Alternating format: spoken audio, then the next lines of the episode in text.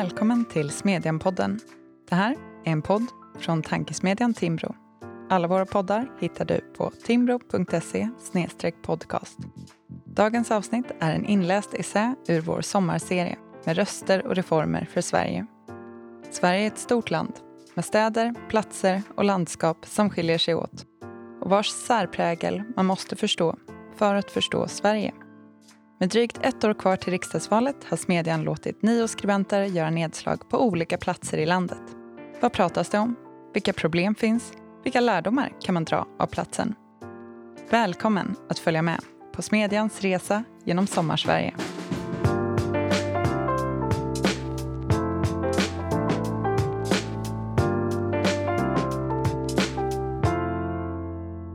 I dagens avsnitt hör vi Carl Vincent Reimers och essän Staden som inte kunde bli som Gnosjö som handlar om Karlskrona. Karlskrona är en stadsromantikers drömstad. Den gamla örlogsstaden som byggdes efter standardiserad modell i slutet av 1600-talet och som sedan 1998 krönts till ett av Unescos världsarv är den främsta i sitt slag. Tveklöst ett av de vackraste exemplen på vad västerländsk stadsstyrd ingenjörskonst någonsin har kunnat frambringa, även om det svider i hjärtat på varje klassisk liberal. Som historikern Jakob Serup konstaterar i boken Örlogsstäder, innovationer, varv och vrak från 2018 var byggandet och vidmakthållandet av slagkraftiga örlogsflottor citat, en av de mest komplexa utmaningarna för de tidigmoderna samhällena i Västeuropa. Byggandet förutsatte organisation och inköp av stora mängder timmer, tågverk, kära och segelduk. För att inte tala om den enorma livsmedelsapparat som krävdes för försörjningen ombord.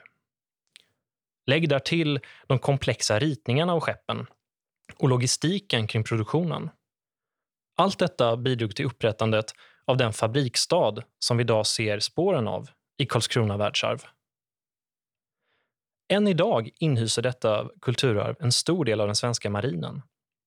Den statliga verksamheten, liksom den av staten beroende försvarsindustrin, ger fortfarande staden dess ekonomiska existensberättigande i det sydöstra hörnet av Sverige. Som liberal ledarskribent skapar sådana förutsättningar naturligtvis en intellektuell utmaning. Hur företräder man de marknadsliberala idéer som ofta betraktar staten som ett hinder för kommunal och regional utveckling i en stad som i århundraden präglats av statlig verksamhet? Och detta dessutom i en region som med sitt avlägsna geografiska läge ligger långt från de stora storstadsmarknader som liberaler brukar se som avgörande för att driva mänsklig kreativitet. Svaret är inte givet. I idévärlden är det enklare. Det var prissystemets magi. Så beskrev den marknadsliberala ekonomen Milton Friedman hur en blyertspenna blir till i tv-programmet Free to Choose från 1980. Genom att pedagogiskt gå igenom blyertspennans olika delar, från det nedhuggna trädet till grafitgruvan och gummiplantagen, ville han visa att det var fritt samarbete mellan människor som drev mänsklig innovation, inte statligt centralstyre. Om Friedman ändå hade besökt Karlskrona. Idag styrs kommunen av en allians av socialdemokrater, centerpartister och liberaler efter att 2010 till 2018 haft ett moderatlett alliansstyre. Karlskronas socialdemokrati är knappast socialliberalt sinnad utan starkt präglad av fackliga frågor, av den traditionella industrin. I Moderaterna finns istället spår av den militär och ämbetsmannahöger som också präglat staden historiskt.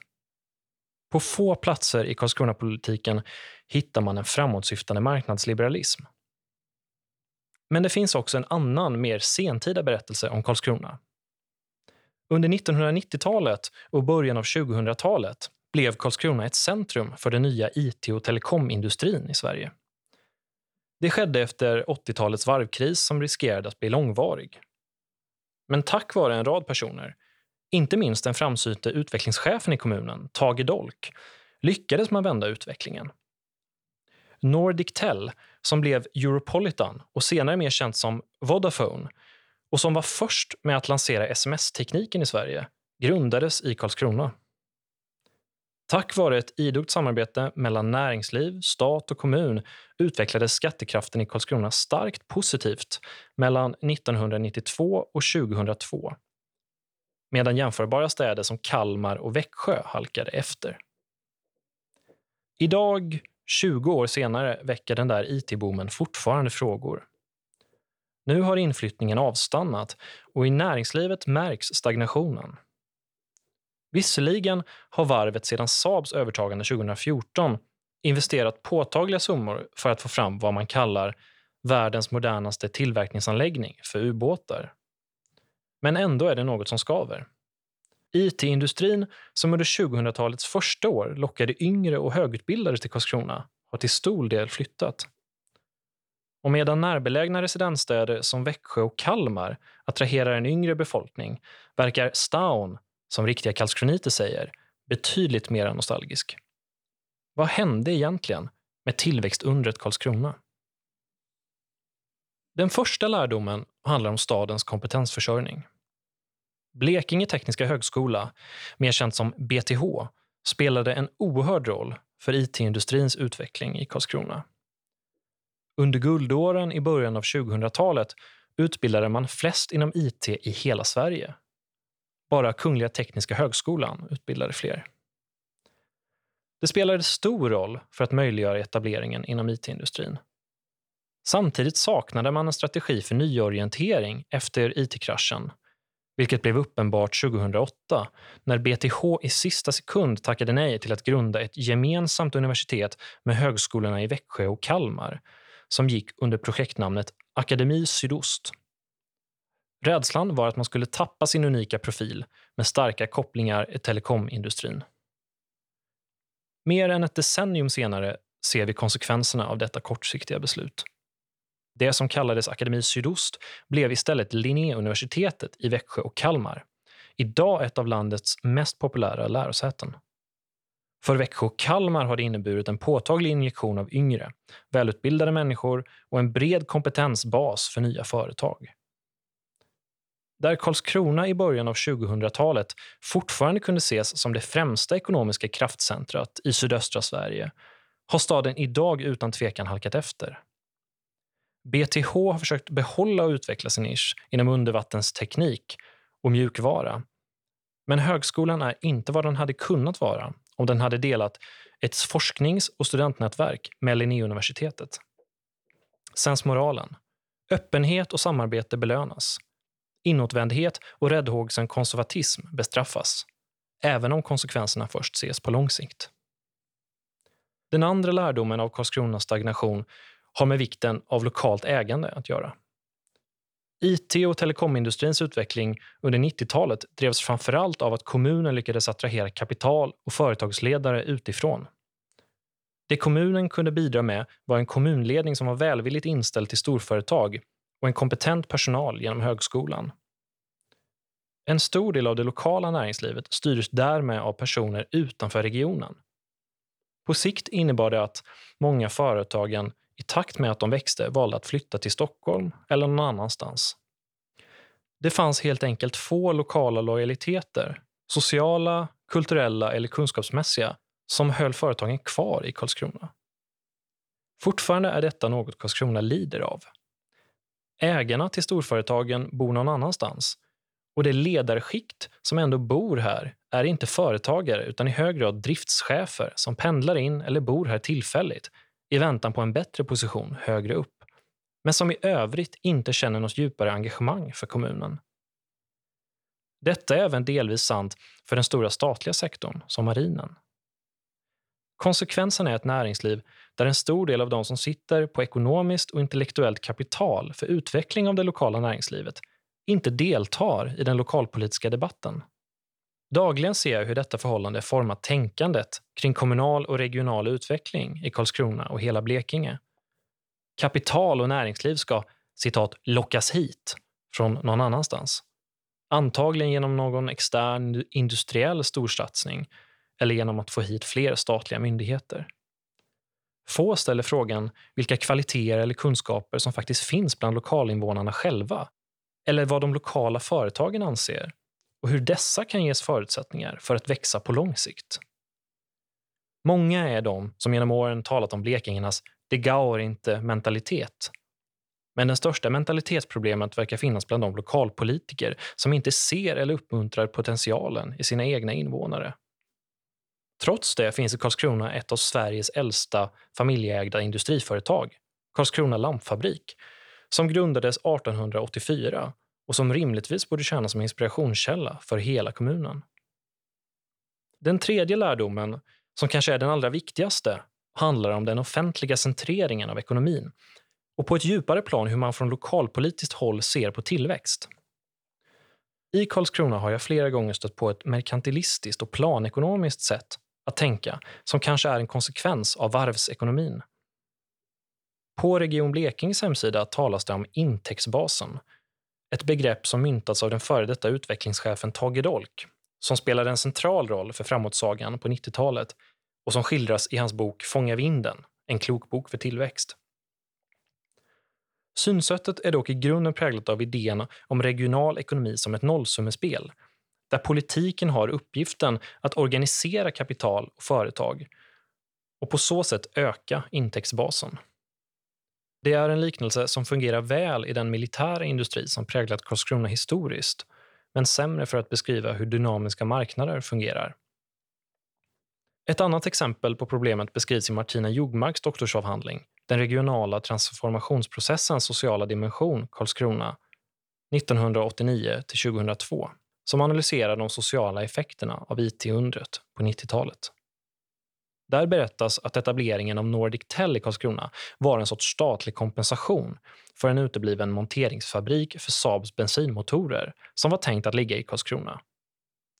Saabfabriken, där huvuddelen låg i Malmö, blev ännu ett exempel på havererad statlig industripolitik som Jan Jörnmark beskriver i sitt reportage i Smedjan. Det var dåvarande industriministern Rune Molin från Socialdemokraterna som kom med det bästa beskedet att monteringsfabriken aldrig skulle bli av under ett samtal med Karlskronas dåvarande kommunalråd Mats Johansson vid Socialdemokraternas partikongress 1990. Molin meddelade dock lugnande till Johansson att regeringen citat jobbar stenhårt på att en ny teleoperatör, Nordic Tel, ska lägga sin verksamhet i Karlskrona.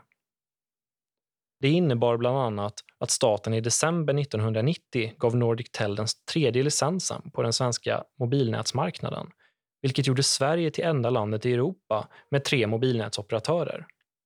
En av statens skräddarsydd manöver, just för Karlskrona. Detta hade också föregåtts av att regeringen pekat ut just sydöstra Sverige jämte Bergslagen och Norrlands inland som i starkt behov av statliga åtgärder i ekonomin. Det mest absurda i det här sammanhanget var att Johansson efter Molins besked inte alls verkade bli glad. Istället var reaktionen från kommunalrådet bekymrad när han inte förstod hur han skulle kunna försvara den nya satsningen inför sina egna väljare. Citat.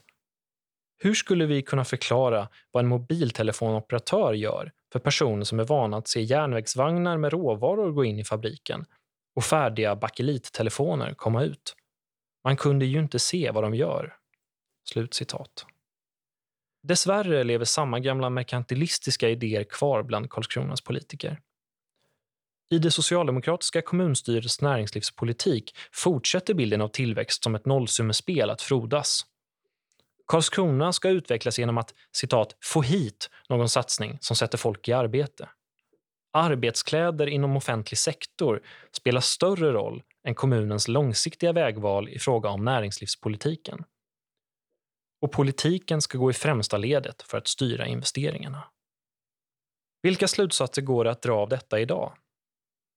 En är att politiskt planerade industrisatsningar mellan näringsliv, stat och kommun kan vara bra kortsiktig medicin mot kriser. Och den insats som gjordes på 90-talet för att lyfta Karlskrona var verkligen exceptionell och förtjänar beröm. Men om det inte finns lokala förutsättningar för att bära satsningarna över tid är det dålig långsiktig behandling. I Karlskronas fall blev det efter några gyllene år i början av 2000-talet uppenbart att IT-industrin inte bar sig. Som vi har sett spelar både frånvaron av lokalt ägande i näringslivet, slutenhet i synen på kompetensförsörjning och ett offentligt centrerat tänkande kring regional utveckling roll för att förklara detta. I Martina Jogmarks avhandling fångar en intervjuperson vad som hände. Citat. Vi lyckades inte få till någon Gnosjöanda. Jag tror nästan stan var för liten. Det började gnisslas och blev missnöje för att folk gick från bolag till bolag. Växtkraften i Karlskrona var inte så stor att den klarade av att företag rekryterade från varandra. Folk satte käppar i hjulet mer än vad det behövdes egentligen. Slut citat. Karlskrona är visserligen betydligt större än Gnosjö, men här finns ändå en viktig lärdom för borgerliga politiker.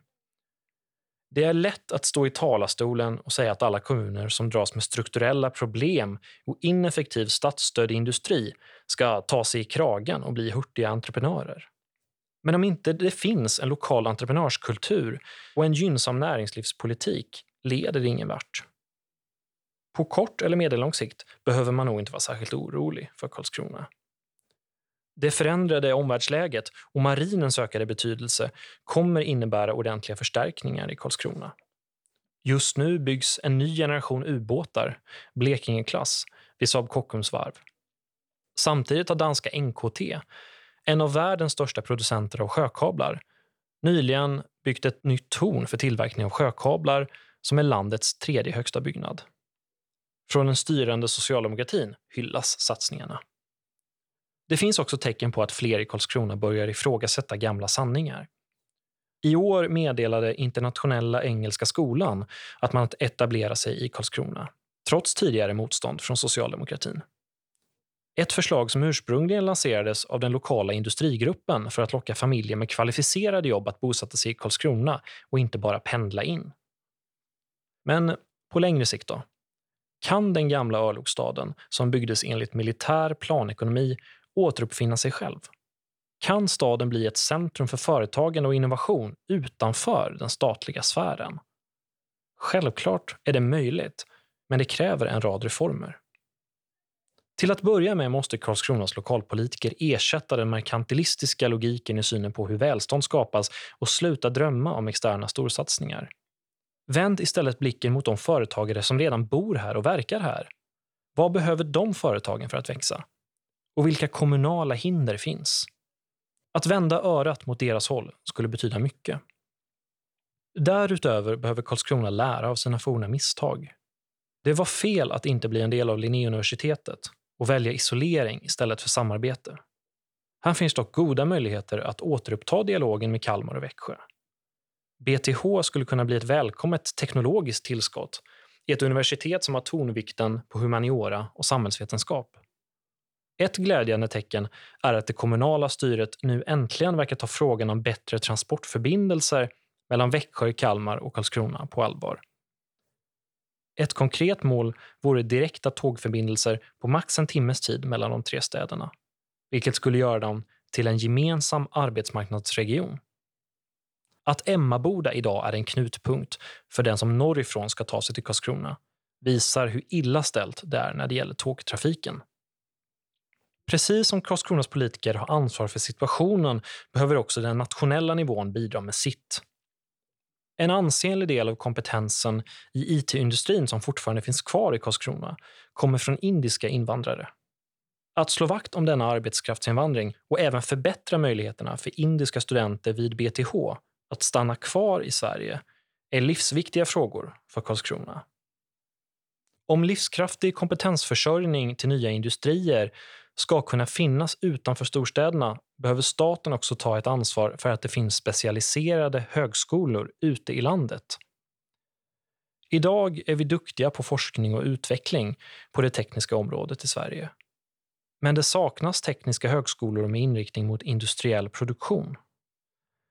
Exempelvis får batteritillverkaren Northvolt i Skellefteå merparten av sin kompetens i batteriteknik från Japan och Sydkorea.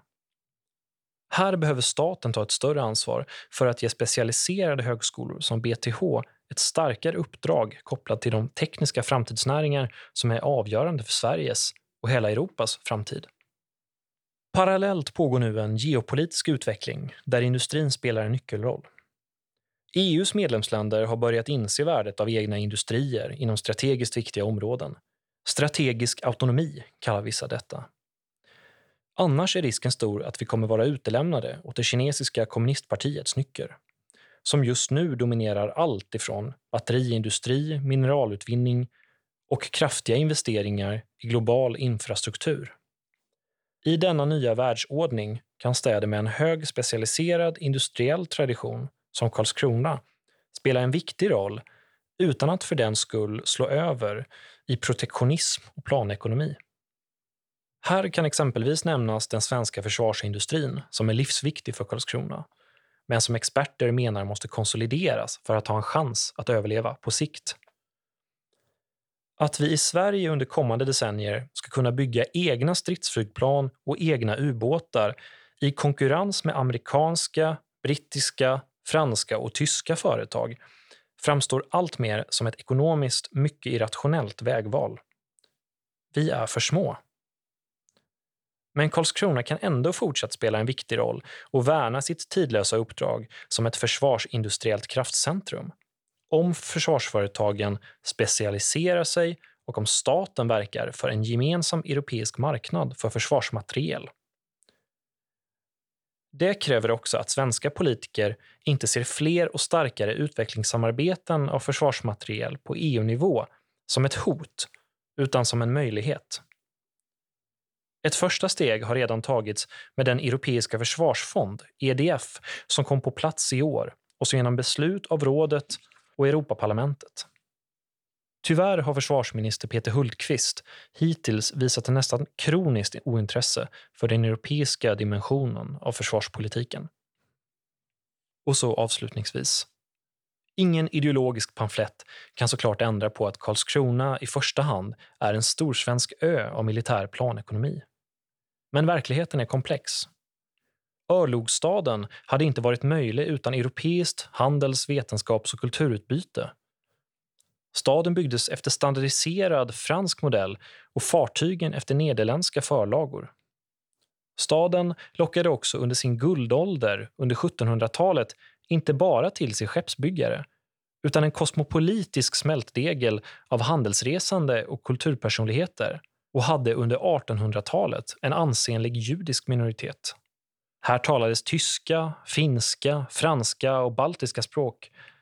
Havet som omgärdade staden var vägen mot omvärlden lika mycket som den var skyddsvallen mot rikets fiender. Och efter den smärtsamma varvskrisen på 1980-talet, när allt tycktes nattsvart, lyckades lokalpolitiker, näringsliv och stat med stora ansträngningar vända en hopplöst bakåtsträvande stad till en del av det svenska IT-undret. Nej, Fridman hade verkligen inte rätt när han exkluderade staten från all form av mänskliga framsteg. Men lite mer Fridman i Karlskrona hade inte gjort någon skada om historiens lärdomar ska vändas till framtida segrar. Du har lyssnat på en inläst essä från Smedjan och tankesmedjan Timbro. Hela serien Smedjans sommarresa och alla våra artiklar hittar du på timbro.se smedjan. Vi ses där och hörs igen här om en vecka. Glad sommar!